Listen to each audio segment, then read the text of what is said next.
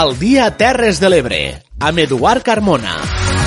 Benvinguts i benvingudes a l'edició d'avui, dimecres 8 d'abril del dia Terres de l'Ebre, un informatiu en el que pretenem apropar l'actualitat de tot allò que succeeix al nostre territori i que pensem que pot ser del seu interès.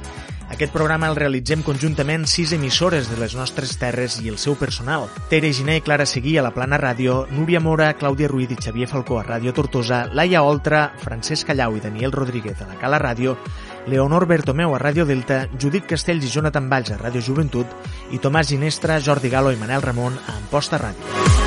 La Setmana Santa típica en què ens trobem farà que s'ature temporalment un dels principals motors econòmics de les nostres terres, el turisme.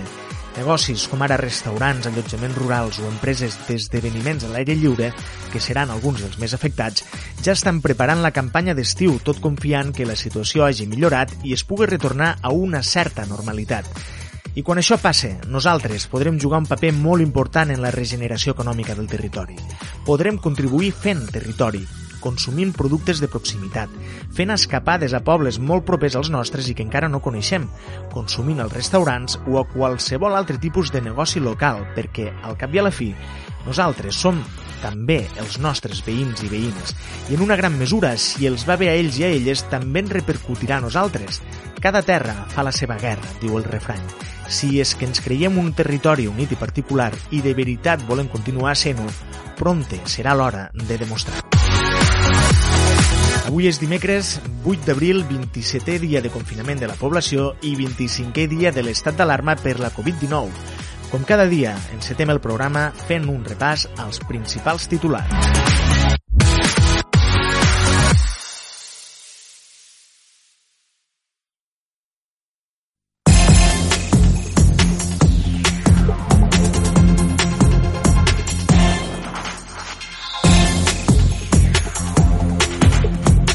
Alcaldes de les poblacions turístiques de les Terres de l'Ebre demanen que tothom es quedi a casa i no vagin a les segones residències que hi ha al territori.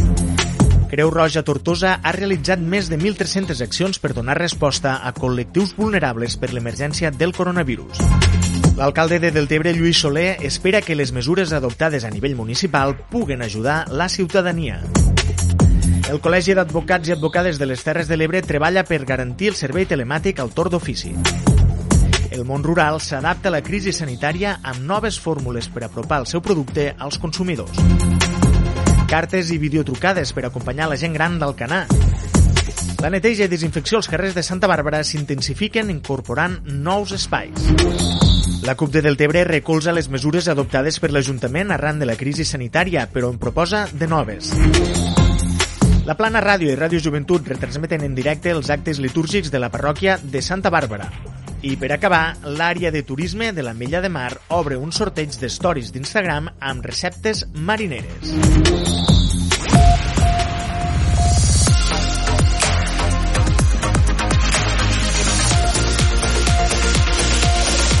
Al dia, les notícies de les Terres de l'Ebre. La Setmana Santa ha activat totes les alarmes als municipis turístics de les Terres de l'Ebre. Per això s'han intensificat els controls de trànsit als accessos dels pobles costers. Fins i tot s'han tallat accessos per poder vigilar així més exhaustivament qui se salta l'ordre de confinament i ocupa les segones residències. És una crònica des de Ràdio Joventut de Judit Castells. Aquest cap de setmana la policia local de la Ràpita ha obert 40 expedients de denúncia contra persones que han incomplert el confinament. En el dispositiu especial engegat des del divendres al migdia s'han fet fins a 5.000 identificacions. Des de l'inici del dispositiu només se pot entrar a la Ràpita per un únic accés al carrer Sant Josep des de la Nacional 340. Aquesta mesura ha permès establir ahir un control policial permanent durant 24 hores al dia. Les àrees de supermercats i el passeig marítim també han estat punts claus de controls parlar l'alcalde de la Ràpita, Josep Caparrós. Unes mesures dures, eh, però que són necessàries, que són imprescindibles per, per continuar controlant este, esta pandèmia del coronavirus, per a continuar controlant estos casos que puguen afectar al nostre poble i al nostre territori i és per això que faig una crida a la ciutadania a continuar eh, complint aquestes mesures. I al Canà, per tercer cap de setmana, també s'han bloquejat els accessos als principals nuclis turístics. Durant el cap de setmana, la policia local del Canà, amb el suport del cos de Mossos d'Esquadra, ha mantingut la intensitat dels controls, tot i que l'afluència de vehicles i persones s'ha moderat.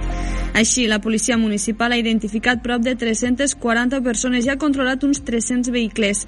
Se n'han sancionat a 20 persones i ha quedat una persona detinguda. La vigilància pels carrers de les urbanitzacions del Canà Platja, el patrullatge pels nuclis urbans ha fet que des del principi de l'estat d'alarma s'hagin identificat més de 1.000 persones a peu de carrer. Parla el regidor de Governació del Canà, Jordi Bort. Els controls eh, policials i les mesures preses han donat eh, resultat, però no baixem la guàrdia, continuarem intensificant els controls i afegint també controls a peu de carrer. És el moment de cooperar i col·laborar amb la policia local i eh, ser els seus ulls a les zones habitades per evitar eh, les ocupacions de segona residència. D'altra banda, la Metlla de Mar, l'operatiu policial també controla carreteres i l'estació de tren, inclús alguns habitatges. A més, s'ha incorporat un dron per vigilar els espais públics de les tres cales. Les denúncies per desplaçaments no justificats han disminuït un 80% respecte al cap de setmana anterior. Així ens ho explica l'alcalde de la Metlla de Mar, Jordi Gasseni. Anem a fer més eh, grans eh, totes aquestes actuacions policials i també el que anem a fer és a reforçar pues, los talls. Eh? Per què? Perquè necessitem ara mateix eh, reorganitzar, eh, reordenar aquesta circulació per que així doncs, eh, pugui ser més eficients eh, doncs, estos controls eh, que poguéssim fer en un terme municipal que és gran, amb urbanitzacions, amb diferents eh, nuclis urbans, on eh, no és fàcil. Per la seva banda, l'alcalde de Sant Jaume d'Enveja també ha volgut enviar un missatge a tota aquella gent que té segones residències a la població i els hi ha demanat, per favor, que no baixin. Que ens agrada molt compartir les festes en Badros, que vinguéssiu eh, els caps de setmana, quan hi ha ponts llargs, ens agrada passar les vacances en Badros, però ara heu de tindre clar que no estem en vacances, no estem en festes, i estem en una situació d'alarma. Des de totes les administracions se continua demanant a la població que se quedi a casa i no viatgi a segones residències, tot i trobar-nos en plena Setmana Santa.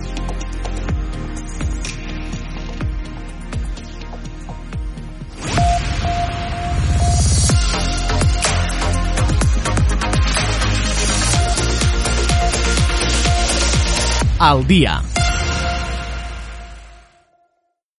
Des que es va iniciar l'emergència per la crisi del coronavirus, Creu Roja Tortosa ha realitzat més de 1.300 accions per donar resposta a les necessitats dels col·lectius més vulnerables.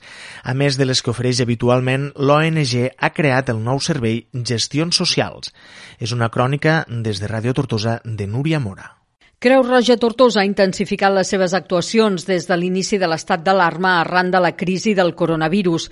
Els professionals i voluntariat de Creu Roja Tortosa ha realitzat durant aquest mes de març un total de 1.330 accions d'ajut a la ciutadania, sobretot als col·lectius més vulnerables que ho estan passant més malament en aquesta situació que s'ha generat per la pandèmia del Covid-19.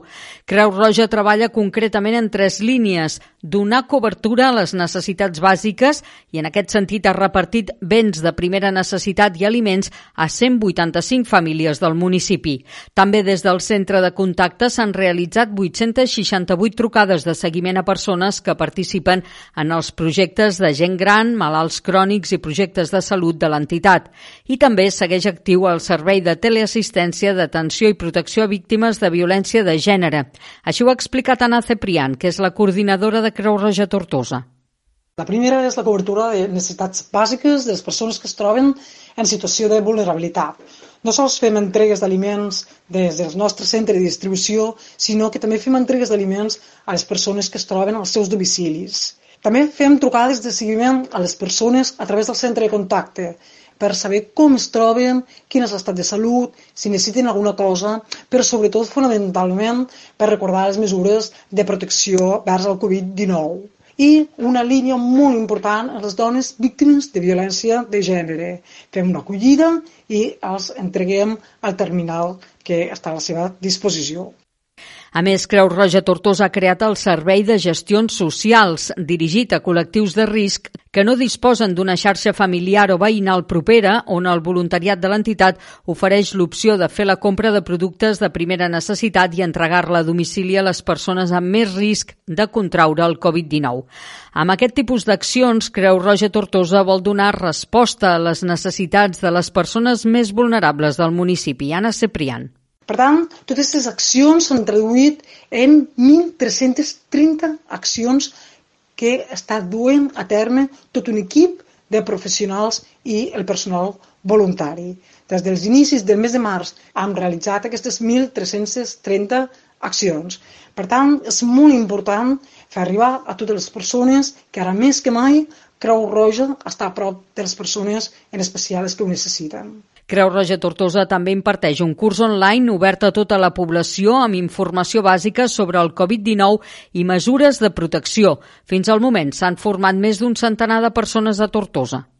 L'alcalde de Deltebre, Lluís Soler, ha detallat algunes de les mesures que des de l'Ajuntament s'han posat en marxa per tal de no deixar sense assistència durant aquesta crisi sanitària a tots els veïns i veïnes del municipi en una situació de vulnerabilitat que més ho necessiten. Però també ens preocupa moltíssim, i per això hem engegat moltíssimes mesures en els últims dies, tot el que seria les persones amb més vulnerabilitat. Aquelles persones que dintre de la nostra societat ja vivien eh, en la situació de vulnerabilitat o que per la pròpia crisi eh, sanitària han entrat en aquesta situació de vulnerabilitat.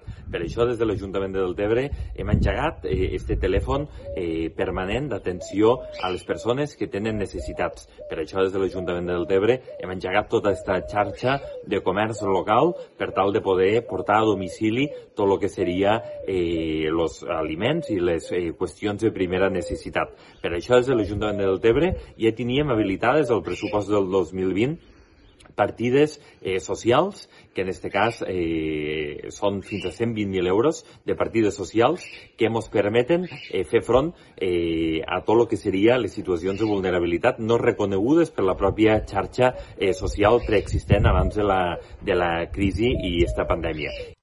L'alcalde de Deltebre també s'ha mostrat preocupat per la reactivació econòmica a la que s'haurà de fer front un cop quede normalitzada la situació i ha assegurat que des de l'Ajuntament no deixaran sol a ningú. I no ens movem de Deltebre perquè ahir la nit l'Ajuntament del municipi va rebre una comunicació de la regió sanitària de les Terres de l'Ebre que informava de dos nous casos de coronavirus a la població. Es tracta d'un home de 69 anys i una dona de 92. En aquests moments, segons el comunicat, les dues persones es troben hospitalitzades. L'Ajuntament ha demanat a la ciutadania que sigui responsable i apliqui el sentit comú, que faci cas de les indicacions i que respecte el confinament estricte per la salut de tots els veïns i veïnes. Després que el col·lectiu de juristes de les Terres de l'Ebre per les Llibertats reclamessin que els professionals del torn d'ofici de Tortosa, Gandesa i Amposta realitzessin el seu servei per videoconferència, el Col·legi d'Advocats i Advocades del Territori ha emès un comunicat tot explicant totes les seves actuacions per aconseguir-ho. És una crònica des de Ràdio Tortosa de Clàudia Ruiz. Els advocats i advocades del torn d'ofici demanaven evitar el seu doble desplaçament, un cop a comissaria i un altre a la seu judicial. Segons el col·legi, estan treballant per resoldre aquesta anomalia en ple estat d'alarma. Per ara han aconseguit que la declaració en seu policial a Tortosa realitzi de forma telemàtica, sempre i quan les plataformes utilitzades i la xarxa d'internet ho permetin. Per això el col·legi ha explicat que està facilitant que un col·legiat pugui fer la guàrdia d'un altre company si les seves eines no funcionen correctament. En canvi, en seu judicial facilitaran aquesta via sempre i quan la xarxa funcioni i no faci dilatar el procediment judicial. Destaquem, però, que la decisió sempre dependrà del jutjat de guàrdia. La decana de l'il·lustre Col·legi d'Advocats i Advocades de les Terres de l'Ebre, Marta Martínez, explica el per què el territori ha costat tant donar el pas respecte a la resta de Catalunya adaptat molt bé a tota Catalunya i han tingut molts inconvenients a les Terres de Brenques. Per què? Pues perquè bé ha anat mala comunicació, o bé perquè no saben funcionar les xarxes o bé perquè mos ha, mos ha pres per desprevinguts. I aquí mos ha costat molt eh, tirar avant. Llavors, eh, tot i que jo vaig rebre diversos comunicats, en aquest cas del jutge d'Amposta, que no tenia cap inconvenient de fer-ho d'esta manera pel fisco web, tant a la policia com JAT, eh, per part de Tortosa no ho tenien massa clar. Consideraven que enviar l'atestat per correu electrònic des de la policia era un error i consideraven que el dret a la defensa no s'exercitava bé.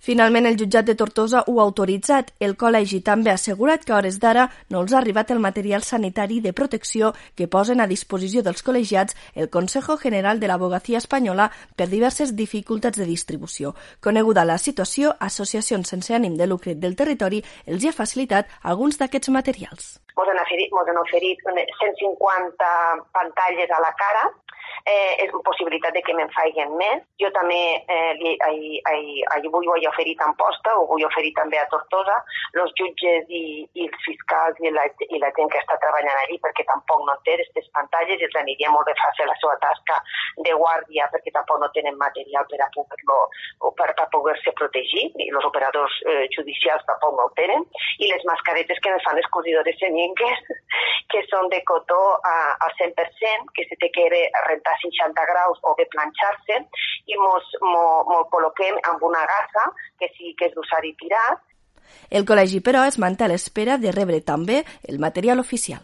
El món rural s'ha començat a moure davant la crisi del coronavirus. Els productes de proximitat són els que més demanen els consumidors i cal buscar noves fórmules per portar els productes a les cases. Ens dona més informació Judit Castells des de Ràdio Joventut. Per donar resposta a aquesta demanda, les empreses de productes quilòmetre zero se poden unir a la campanya que promou l'entitat pública de la Generalitat vinculada al Departament d'Agricultura Prodeca i que consisteix en donar a conèixer les ofertes i els productes de proximitat mitjançant Twitter. Una de les empreses que s'hi ha adherit és l'empresa Granja Algueró Montesó de Tortosa que ofereix car de vedella. El seu propietari, Joan Algueró, ha estat un dels primers en apuntar-se a aquesta campanya de la promotora dels aliments catalans. Una empresa ramadera des de l'any 1926, que hem anat evolucionant al llarg dels temps, i ara eh, aquesta situació actual eh, que estem vivint, desgraciadament, fa que ens haguéssim acollit a la campanya Aliments de prop de, Pro, de Prodeca per subministrar aliments a domicili a, eh, a la gent de Terres de l'Ebre.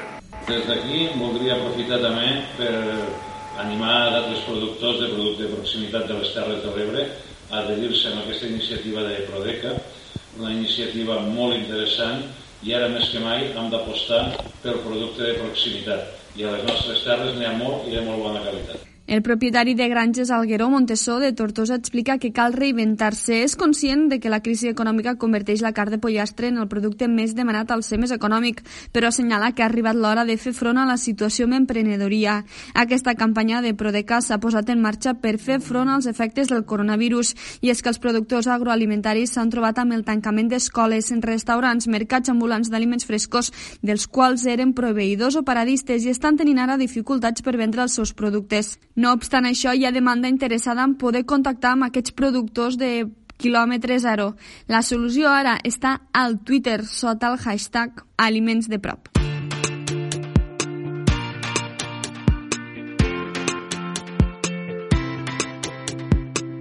El metge de Deltebre, Jesús Pérez Paga, ha demanat a les autoritats sanitàries que autoritzen el tractament amb ozó contra el coronavirus, subministrat per via intravenosa en petites dosis. Un tractament que ja utilitza el Centre de Medicina Regenerativa de Deltebre i que ara també ha traslladat a la clínica Tecnon de Barcelona, que pertany al grup Quirón, lloc on treballa actualment. Ha parlat amb el doctor Pérez Pagà el nostre company Víctor Montecino. El tractament amb ozó contra el coronavirus subministrat per via intravenosa i en quantitats de micrograms evitaria la mort de molts pacients per insuficiència respiratòria, per ofec. O defensa el metge Jesús Pérez Pagade del Tebre i ha demanat a les autoritats sanitàries que donen llum verda a este tractament amb la tècnica d'ozonoteràpia que ja utilitza al Centre de Medicina Regenerativa de Deltebre i que ara també ha traslladat a la clínica Tecnon de Barcelona, que pertany al grup Quirón, lloc on treballa actualment. Jesús Pérez, també conegut com a fundador de l'ONG Metges Solidaris, ho ha explicat en declaracions a Canal Terres de l'Ebre i ebredigital.cat, mostrant que disposa d'una màquina importada d'Alemanya que permet dur a terme un tractament que no té efectes secundaris i que, en la seva opinió, podria salvar moltes vides en la situació sí, actual. Un 1 a un 5% d'ozó mesclat amb el 95% d'oxigen, d'acord? I això s'injecta al sistema circulatori. I per què funciona això? És el que he dit abans. L'ozó és un antisèptic molt poderós. I ara t'explicaré per què. A l'ozó, a la que entra de, de la sang d'un ser humà, o d'un animal, en aquest cas d'un ser humà, es dissocia. Alguns polítics diuen ozònids i són oxidants. D'acord? Què passa amb el virus? Què passa amb el, el Covid-19? El Covid-19, que molts heu vist per la tele, suposo que com una corona, per això diu coronavirus, amb unes espines. I amb allò s'enganxa receptors cel·lulars. Bé, eh, en aquesta membrana, en aquestes coses, ell té un grup de sofre, un sulfíric que es diu, que està reduït. Què passa si, un, si una, una membrana que està reduïda, tu li fiques un oxidant, s'oxida i la incapacita. És aquí on, amb l'ozó, d'una banda, incapacita la capacitat del virus d'entrar a la cèl·lula. Pérez ha traslladat aquesta proposta a la direcció mèdica de la Tecnon, però els tractaments amb ozó no tenen ara mateix l'autorització sanitària, malgrat que sí que es fan servir en altres malalties, i és un producte autoritzat com a medicament. Un producte que, a més, és molt econòmic, però que topa amb els problemes propis del sistema. Què està passant aquí Catalunya? Evidentment, l'ozó està reconegut per l'Agència Espanyola de Medicament i de Productes Sanitaris, està reconegut com un medicament. I bé, jo, per exemple, eh, el puc fer allà baix, no? Per tractar una patologia dels articulars, de, de, de qualsevol dolor, etc. Vale? Però, eh, evidentment, perquè jo pogués aplicar aquest tractament aquí, necessitaria una autorització o bé de la Conselleria de Sanitat del Govern de Catalunya o bé del Ministeri de Salut de Madrid autoritzar que fes aquest assaig clínic. Jo no sé, aquí m'hauria de dirigir, que la veritat és que ben bé no sé, si hauria de ser eh, l'administració autonòmica o bé el govern de Madrid, que es donés llum verda perquè, mira, hi ha una cosa que està clara. Hi ha una cosa que està clara. A l'ozó, el pitjor mal que pot fer una persona és no fer res. Que això t'estic que no té cap efecte secundari. Cap. A mi m'agradaria realment que si algun responsable polític doncs, que, que doncs, aquesta inquietud no? o aquesta possibilitat no? que, que tenim a les mans i que això no seria cara per la sanitat pública, no és car, no, no és car, en sèrio. Eh, es, pot, es pot fer tractar tants i tants pacients que en molts pacients, a més a més, hi havia un protocol per a pacients que estan greus, eh, però per evitar que aquests pacients passin a la unitat de crítics i ocupar respiradors. Saps que tenim un problema a Catalunya molt i molt gros i a la resta de l'Estat també, però sobretot a Catalunya i a Madrid, de manca de respiradors. El tractament amb oso a pacients greus, amb el protocol que se'ls posaria, evitaríem que passessin de greus a crítics, amb la qual cosa, d'alguna manera, trauríem la pressió que hi ha en aquest moment sobre les unitats de, de, de, de cures intensives. Evidentment, a nivell facultatiu, a nivell de metges, eh, ningú es mullarà. Jo crec que eh, eh, a tirar a fer un pas endavant si no tinc una, una autorització administrativa, que en aquest cas hauria de vindre la Conselleria de Sanitat. Sí? Jo tinc la sensació, jo tinc la sensació, eh, bé, és una sensació personal, però estic veient al dia a dia, conec molt bé la situació de lo que està passant, no només aquí on estic treballant, a tots els hospitals de Barcelona, perquè tinc, tinc companys, amics per tot, per tot arreu, no? tinc la sensació que arribarà un moment, arribarà un moment que és la llum verda. Però no sé quan arribarà aquest moment. I mentrestant, mentrestant, hi ha cada dia més malalts, hi ha cada dia més persones que es moren, el doctor Jesús Pérez és conscient que hi ha poques possibilitats que la seva proposta prospere. Passe o no, el que sí que ha fet és, també, una sèrie de recomanacions per afrontar la situació actual, cuidant sobretot el sistema immunològic de cada persona. Fent una recomanació Sé que aquí baix eh, la incidència és baixa, ho sé, no? Eh, però el que he dit abans, sobretot, no baixar la guàrdia. I a més a més, eh, a banda de no baixar la guàrdia i quedar-vos a casa, preneu mesures. Mireu, importantíssim. Eh, si no tenim la vacuna encara, ajudem al nostre sistema immunitari. Ajudem al nostre sistema immunitari a defensar-se del que està. Vitamina C. Tots s'ha dit parlar. Però no 500 mil·ligrams, 2 o 3 grams de vitamina C. Importantíssim. De 2 a 3 grams diaris. La vitamina D, 2.000 unitats diàries. I si no podeu prendre vitamina D, com a mínim mitja horeta al dia al solet. Si teniu la capacitat de que us doni el migdia, ja no cal que preneu la vitamina D. Però si no, preneu-la. I això que s'ha de fer ara en plena pandèmia també serà molt important l'any que ve, perquè jo crec, crec i ojalà m'equivoqués, però jo crec, sincerament, que no tindrem la vacuna quan vingui l'hivern. I el que vull dir és que l'hivern ens agafi preparats, que ens agafi preparats. Reforcem aquest, aquest, aquest, aquest sistema immunològic, donar-li donar, donar els antioxidants. La vitamina C és un antioxidant molt potent i, i, i la vitamina D ens ajudarà també a sentir el sistema immunològic en, en guàrdia, que si de cas ell revifa quan arriba el fred. Entens? Eh, jo, eh, des d'aquí, recomano que ho feu així. És, és tan fàcil com anar a la farmàcia. No us demanaran ni recepta. Aneu a la farmàcia i demaneu consell i feu aquest tractament. El fundador de l'ONG Metges Solidaris, que anualment organitza una campanya solidària per ajudar els països d'Àfrica, ha alertat que si el coronavirus arriba a l'hemisferi sud, la mortalitat pot ser brutal, ja que no disposen dels sistemes sanitaris que permeten afrontar la situació a l'espera de la vacuna.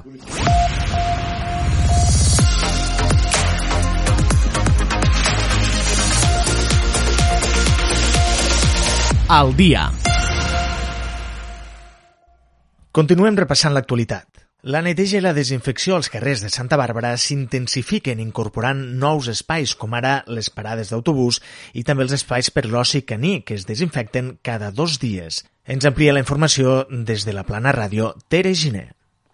Efectivament, les mesures de neteja i desinfecció de Santa Bàrbara en un principi van iniciar-se a càrrec de la brigada municipal durant els caps de setmana. Ara, però, s'han intensificat en dies alterns i, a més, també s'han incrementat les zones per on es realitzen aquestes intervencions. Ens ho explicava el regidor de serveis, Agustí Espuny. Hem anat, sí, continuem fent-se. Aquestes neteges es fan eh, un dia pel d'altre. Vull dir, se fan el que tu has dit molt bé, són els establiments de, que van més la gent, i hem anat incorporant, hem anat incorporant puestos. Per exemple, eh, els pipicants que al principi no els fèiem, doncs considerem que allí la gent va a, a treure el gos i també els desinfectem. I les parades de bus. I llavors això es fa un dia pel d'altre, un dia sí, un dia no, un dia sí, un dia no, i així està, eh, anem fent. No. I no es pararà fins que no hi hagi nova ordre, o si ens diuen d'ampliar més, doncs llavors eh, farem més, més carrers o el que sigui. També, també vull comentar que la, la granadora que passa pels carrers també li hem incorporat lleixiu dins, perquè així ja que passa, doncs ja que, que vagi limpiant. El nou regidor de serveis explicava que havien rebut l'oferiment de molts pagesos eh, del poble que els cedien la maquinària per portar a terme aquesta neteja. Agustí agraïa l'oferiment, però recordava que de moment és la brigada municipal qui se n'ha de fer càrrec de la desinfecció.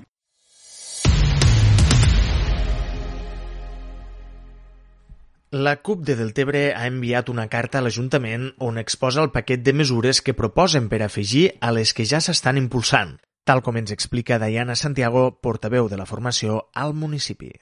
Bé, des de la CUP del Tebre hem enviat una carta a l'Ajuntament de, del nostre municipi i en aquest cas també a l'alcalde Lluís Soler per tal de traslladar-li que estem d'acord amb totes les mesures que estem aplicant des de l'equip de govern sobre el Covid-19, però també fent-li arribar les 10 mesures que nosaltres li diem, òbviament n'hi ha moltes més, per tal de poder aplicar a, a Deltebre. Són propostes que pensem que estan a l'abast eh, del nostre, de la nostra institució i que podem aplicar.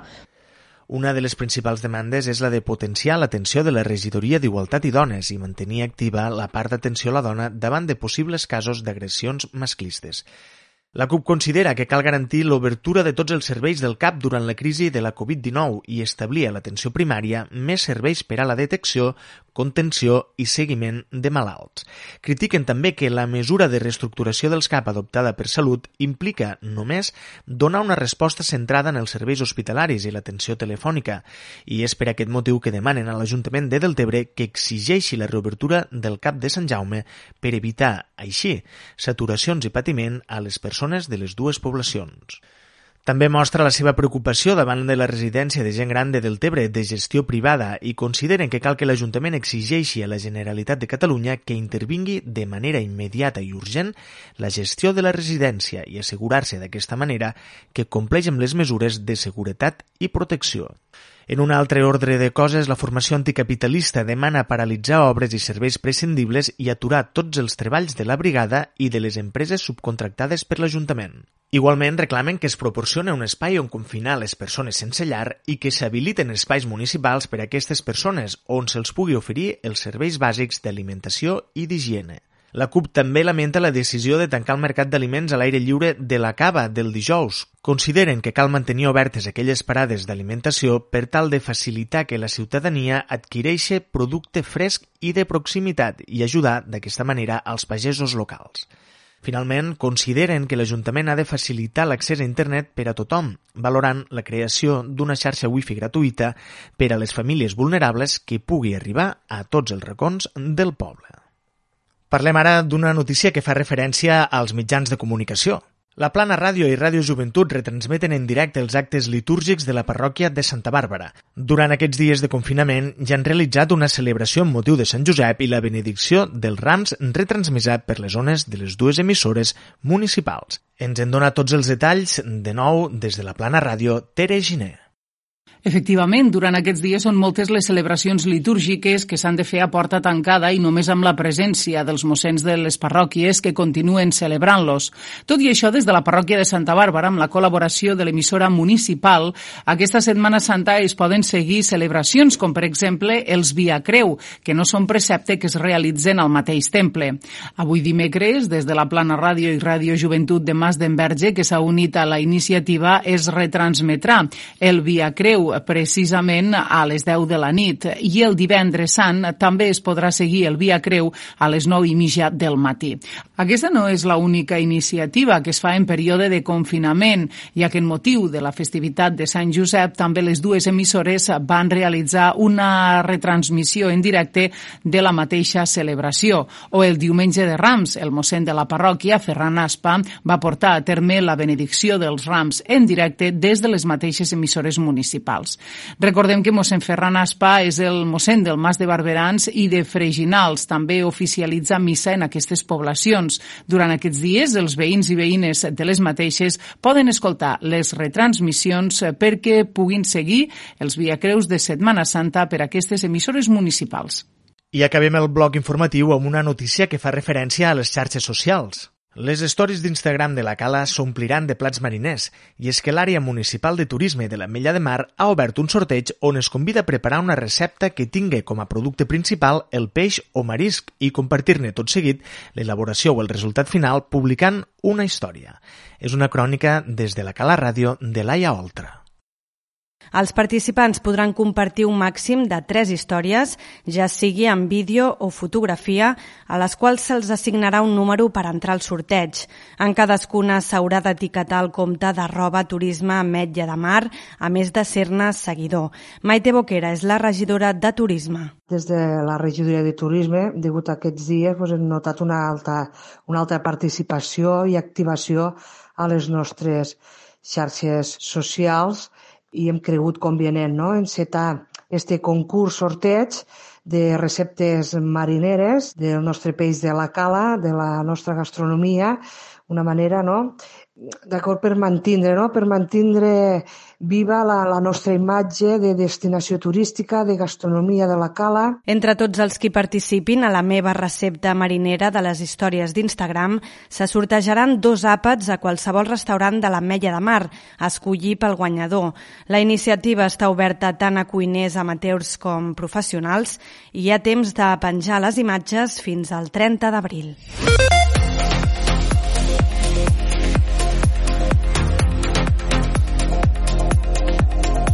L'àrea d'educació és una de les que més interrogants genera durant aquests dies. Una gran part del professorat i l'alumnat es pregunten què passarà amb el curs que estaven realitzant de manera habitual fins fa unes setmanes i quan i de quina manera es podrà recuperar la normalitat.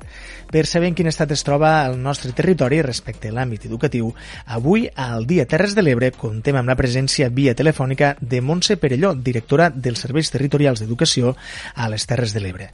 Bon dia, Montse, i gràcies en primer lloc per atendre la nostra trucada trucada. Molt bon dia i moltes gràcies a vosaltres.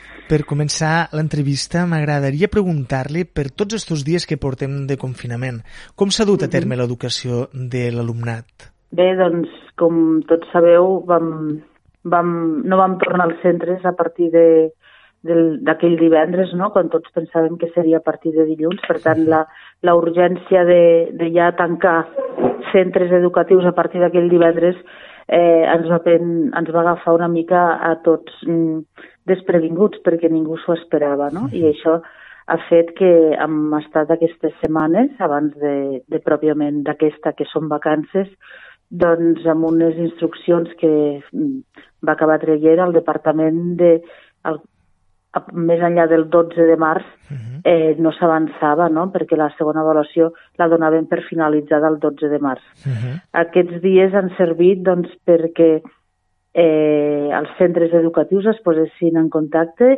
a la majoria de, de, dels seus alumnes, de, uh -huh. també amb les famílies, per tal de veure com, com estaven, no? Eh, perquè ens interessa molt eh, no perdre aquest lligam amb, a, amb els alumnes, eh, més enllà de les tasques eh, que els acabaven encomanant, no? Eh, ha servit d'això, de, de poder mm, seguir en contacte via, per una altra via, no la presencial, amb els nostres alumnes i amb les nostres famílies. O sigui, podem dir que aquests dies han passat per una fase una mica de gestió de tot això, no? una mica sabent mm. quin estat se troba cada família i cada alumne en concret, per tant, una tasca molt personalitzada.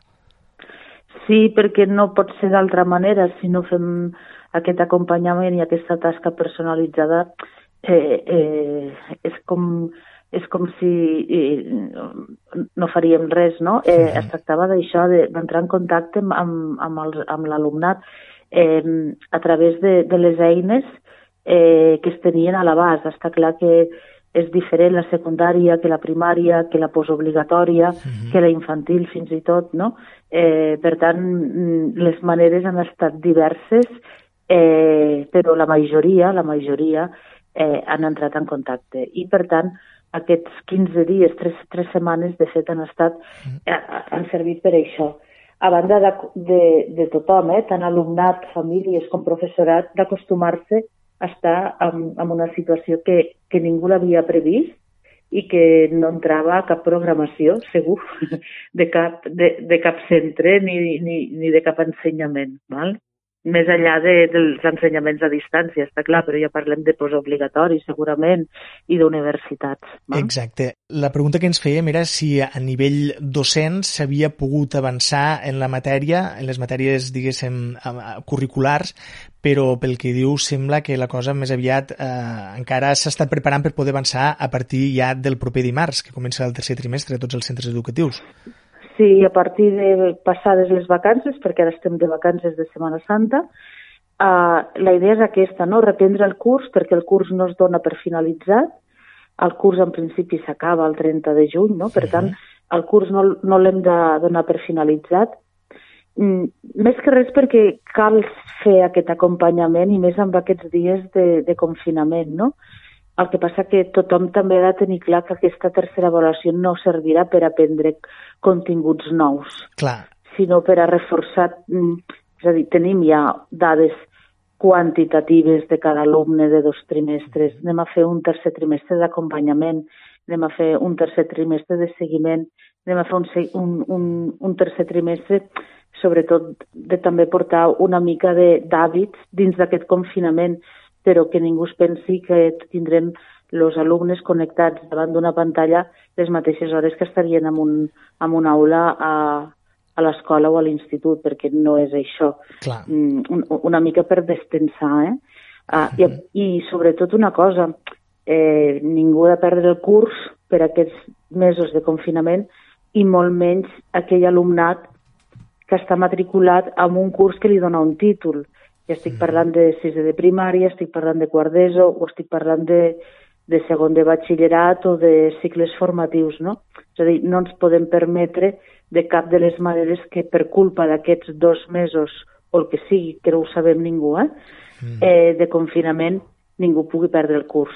Esta és una de les directives que s'ha donat als centres, la directiva sí. que el tercer trimestre sigui un, un trimestre més d'acompanyament, com, com vostè dia ara mateix, i m'imagino que, a més a més d'esta directiva, n'hauran donat alguna altra. Bé, després hi ha totes les in instruccions, no?, eh, per, a cada, per, a, per a cada tipologia d'ensenyament, perquè uh -huh. no, no podem parlar de la mateixa manera de primària, per exemple, que de cicles formatius, no? Exacte. Que malgrat això que estic dient, hi ha també eh, unes pràctiques a fer, per exemple, no? I el que s'ha fet és intentar de que amb el mínim d'hores, mm, posar un mínim d'hores, per exemple, de pràctiques, perquè es pugui eh, graduar un alumne no? de, de formació professional. O està clar, eh, l'alumnat que vagi que faci segon de batxillerat, eh, aquest trimestre, que li quedava molt poquet, perquè sabeu que segon de batxillerat i estava molt avançat, doncs, mm, que puguin anar avançant més que res pensant en la selectivitat. Però estic per... Clar, les instruccions no tenen res a veure amb els de segon de batxillerat com a educació primària. Clar, o... cada, cada cicle funciona d'una manera diferent i sobretot en els cursos de canvi de cicle, no?, com dèiem. Sí, hem de garantir que el traspàs se pugui fer de la millor manera Exacte. possible i que aquests alumnes, que ningú suspengui quart d'ESO per culpa d'aquests dos mesos. És a dir, aquests dos mesos el que ens han d'ajudar Dic dos per dir un número, eh, que ningú... Mm -hmm. De moment? eh, de moment tot apunta de que poden ser dos mesos, no? No, sí. no ho sabem. Eh, però que aquests mesos el que, o aquests dies el que eh, ens han de servir per aquell alumne que la segona avaluació no anava massa bé, doncs per personalitzar més aquest, aquest ensenyament per a veure sí. si aquest alumne va tenint el títol, no? És a dir, perquè partim d'unes notes o, o, o o d'uns criteris quantitatius i qualificatius del segon trimestre. Tampoc tu ja veus com a docent, per tant aquests mesos ens han de servir per a, per a, per a que aquest alumne l'acabem eh, passant de curs en la mesura de, de, de, de les possibilitats que hi hagi, no?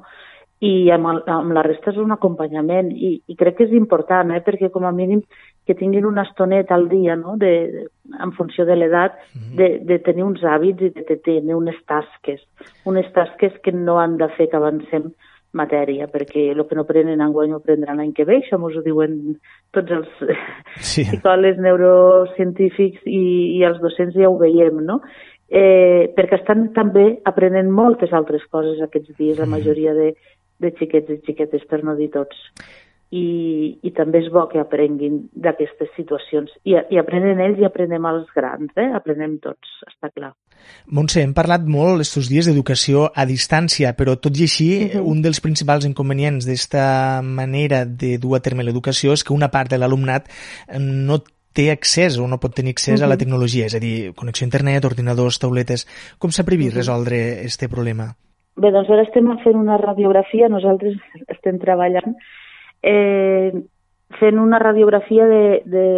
És una enquesta, un formulari que vam encarregar mm -hmm. la setmana passada a les direccions de tots els centres de Catalunya perquè ens diguessin la problemàtica de, que tenien a, als seus centres. Cada no? centre mm. específicament, eh? per tant, una altra vegada estem tractant el problema de manera pràcticament individualitzada. Sí, és a dir, cada centre eh, ens està dient doncs, quins alumnes o quants alumnes al seu centre no disposen de mòbil, uh -huh. seria un barem, perquè avui dia per mòbil se poden fer moltes coses. I tant. Eh, de tauletes o ordinadors ja seria una altra, una altra franja a preguntar i la connectivitat, que la connectivitat uh -huh. aquí eh, també ens adonem i jo ho vaig dir al seu moment, que una cosa és qui no té internet i l'altra és com tenim l'internet en molts pobles, no? Exacte, Quina, sí, sí. Eh, eh, com, a, com us arriba les connexions a segons quines zones més allunyades de, de, de capitals, mm, no ja de comarques, sinó de... És a dir, no tenim fibra òptica, no?, per exemple. Mm -hmm. Per tant, això també és un, és un hàndicap que hem de tenir en compte que eh, no a tot arreu tenim la, la mateixa qualitat de connectivitat. No? Exacte. Eh, per tant, quan tinguem aquesta radiografia, eh, bueno, ja la tenim, ara hem de mirar amb aquest, aquestes mancances per una banda, no? Uh mhm. -huh. eh, què podem suplir des del mateix departament, perquè al centre sí que tenim mm, moltes tauletes i molts ordinadors, per tant, i després mm, eh, ser conscients de eh, què ens arribarà també del Ministeri, perquè el Ministeri ens farà arribar eh, tauletes però per a postobligatòria, per a batxillerat. Uh -huh. Al nostre país el batxillerat pràcticament, jo no et dic el 100%, però el 90 i molt llarg, tothom té connexió, tothom té sí. tauletes o ordinadors. Eh? El postobligatori no, no, no, no hi ha tantes mancances, evidentment. Eh, I després mm, allò que negoci el departament i el que acabarà comprant el departament per tal de poder arribar al màxim alumnat possible, prioritzant, evidentment, postobligatori, eh, secundària obligatòria, i anar així, no? És a dir, no es tracta de, de, de que un nen ni de P3, ni de P4, ni de P5 s'endugui una tauleta a casa perquè no serien, carregaran deures eh, veiem, eh? és a dir, que no vol dir que tot l'alumnat, perquè és el que dic, els, els cursos més baixos d'infantil ni s'han demanat i a primària també ja es veurà, eh? perquè hi ha moltes altres maneres de fer acompanyament i no ha de ser necessàriament a través d'una tauleta o d'un ordinador. No sé si ens pot eh, dir la xifra concreta d'alumnes que es troben en aquesta problemàtica a les Terres de l'Ebre? No, no la, no, no, la, no, la, no la tinc seqüenciada. Jo ara estava treballant amb, per comarques, he començat per la, en principi, més fàcil, que és per nombre d'alumnat, que és Terra Alta. Uh -huh. Estic veient que hi ha molt poca, eh, molt poca, comparat segurament amb altres, com més alumnat tinguem, no? I també perquè ja tenim molts ajuntaments i entitats no? i consells comarcals que volen arribar allà on no, no, no s'arribi, no? potser obrint xarxes wifi, eh, potser fins i tot eh, fent arribar aquest maquinari amb, a alumnat. No? Per tant, mm, més enllà d'allà on no arribi el departament, que ja et dic que el nostre territori tampoc és tan d'entrada, eh? Uh -huh. eh, a veure, perquè una cosa és la tauleta i l'altra és la connectivitat, no? Si una família no té no té cap tipus de connexió, doncs a veure com, com fem arribar a aquesta família que tingui eh, una xarxa wifi oberta o, o una targeta de dades, no? O sigui, més que el maquinari, que és més fàcil, no?, fer arribar o el lliurament d'un maquinari específic és la connectivitat d'aquestes famílies que, que no en tenen, no? Una vegada tinguem resolta aquesta problemàtica, ens trobarem segurament amb un altre tipus de problemàtica, i és que, com ja sap, existeix el debat entre els que creuen que cal continuar amb el currículum i seguir en la mesura del possible en el curs, i els que creuen que l'alumnat, els infants i els adolescents, també pateixen els efectes del confinament i, per tant, els és difícil mantenir i seguir en normalitat un excés de tasques per fer. És a dir, que en una situació normal se combinaria la tasca acadèmica amb activitats a l'exterior, però ara tot s'haurà de fer a casa. El que no hem de fer és angoixar ningú. No ho hem de fer perquè és que ningú està en el 100% de condicions per poder treballar Clar. des de casa o aprenent des de casa, perquè l'escola és, és, l'escola és un centre educatiu i l'escola està allí. Uh -huh. El que no podem fer tampoc és no fer res durant dos mesos hem de buscar l'equilibri just i no hem de... Sobretot, ningú ha de pensar que si un alumne de secundària se passa sis hores a l'institut ha d'estar sis hores davant d'una tauleta o treballant a casa, mm. perquè no estem en condicions de fer això. Amb això, el que vull dir és que no hem d'anar avançant matèria com si mm. fos com si fos un IOC, no? un institut obert, eh, l'IOC o la UOC. No es tracta de treballar d'aquesta manera, es tracta de fer sobretot un acompanyament eh, que hi hagi unes estones de treball a casa que es pugui reforçar aquelles matèries que, que, que l'alumne li costen més i, sí, sí. i sobretot gaudir també. Gaudir de, de, de treballs per aprendre d'una altra manera. Mm, és que, és que no, no, no podrem avaluar de, de forma normal, per tant no els hi podem exigir tampoc el que faríem normalment a les aules. Si algú pensa que hem de continuar com si res, llavors no tindria cap mena de sentit una escola. L'escola és alguna cosa més que donar deures i fer tasques. Hem d'intentar que allò que és l'escola, en la mesura de les nostres possibilitats, ho puguem fer des, en la distància. No? És l'escola és altres coses que manar deures i fer tasques. És molt més que això. Sense cap mena de dubte. Uh, este curs, com diem, com hem dit al llarg de tota l'entrevista, és un curs atípic en tots els aspectes, però com ha avançat a, l'inici de l'entrevista, sobretot per als alumnes que canvien de cicle o que han de passar proves curriculars. Per primera vegada s'han hagut de suspendre les competències bàsiques a sisè o, per exemple, la selectivitat s'ha ajornat fins, a, fins als inicis de juliol. Creu que tornaran a omplir-se les aules finalment este curs? Ja m'ho heu avançat una mica, però a mode de conclusió de l'entrevista? No ho sabem. És que, clar, tot depèn a veure, estem gestionant la incertesa. Des del primer dia, des del dia 12, estem gestionant la incertesa. Però treballen no? amb la previsió de que s'acabin omplint les aules de nou? Ens agradaria molt poder tornar. I ens agradaria molt, i crec que seria molt beneficiós per als alumnes poder tornar, perquè si no, no tornarem fins al setembre, si no tornem en algun moment ara. O sigui, en cap moment ens plantegem una escola d'estiu? No, no, no, no. L'escola d'estiu allarga el curs no s'allargarà. Es tractaria de, de, de tancar el curs dins de les dates, això és, és la previsió, eh? Uh -huh. si es pogués retornar a les aules, encara que fos 15 dies, el que, el que trobem que seria beneficiós per a veure aquest contacte, perquè sí. l'alumne no perdi aquest contacte, perquè puguem veure com, com estan els alumnes, seria molt important poder eh, preveure, desitjar-los que passin un bon estiu, eh, és, és tot allò que no et permet o no et permet tant treballar d'aquesta manera, no? poder veure-nos, mm. poder, poder que, que tornin a la seva aula, que tornin a la seva cadira o al seu pupitre o al seu pati. Seria molt important per ells.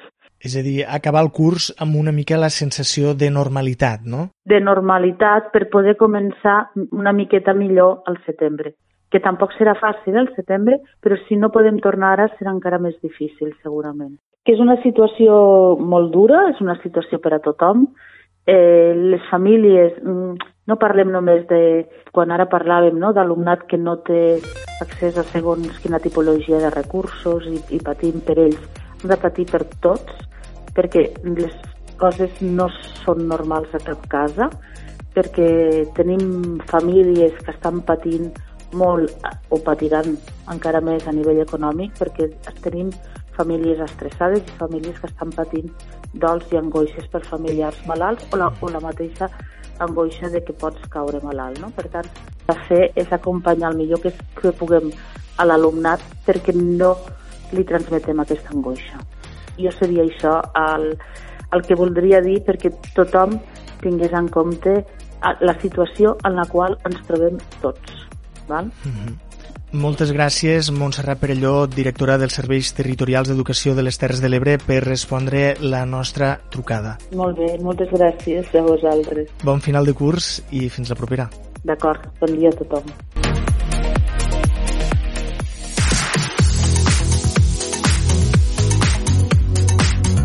Arribem al final del programa d'avui del dia Terres de l'Ebre, un programa que realitzem conjuntament Tere Giné i Clara Seguí a la Plana Ràdio, Núria Mora, Clàudia Ruiz i Xavier Falcó a Ràdio Tortosa, Laia Oltra, Francesc Callau i Daniel Rodríguez a la Cala Ràdio, Leonor Bertomeu a Ràdio Delta, Judit Castells i Jonathan Valls a Ràdio Joventut i Tomàs Ginestra, Jordi Galo i Manel Ramon a Amposta Ràdio. Ahir ens vam acomiadar amb música i avui ho tornarem a fer. Ara amb la interpretació que han fet els professors i professores de l'Escola de Música de Tortosa del tema Viva la vida de Coldplay, una interpretació que han realitzat via telemàtica cadascú des de casa seva. Acabin de passar molt bon dia, ens tornem a trobar demà aquí, al Dia Terres de l'Ebre.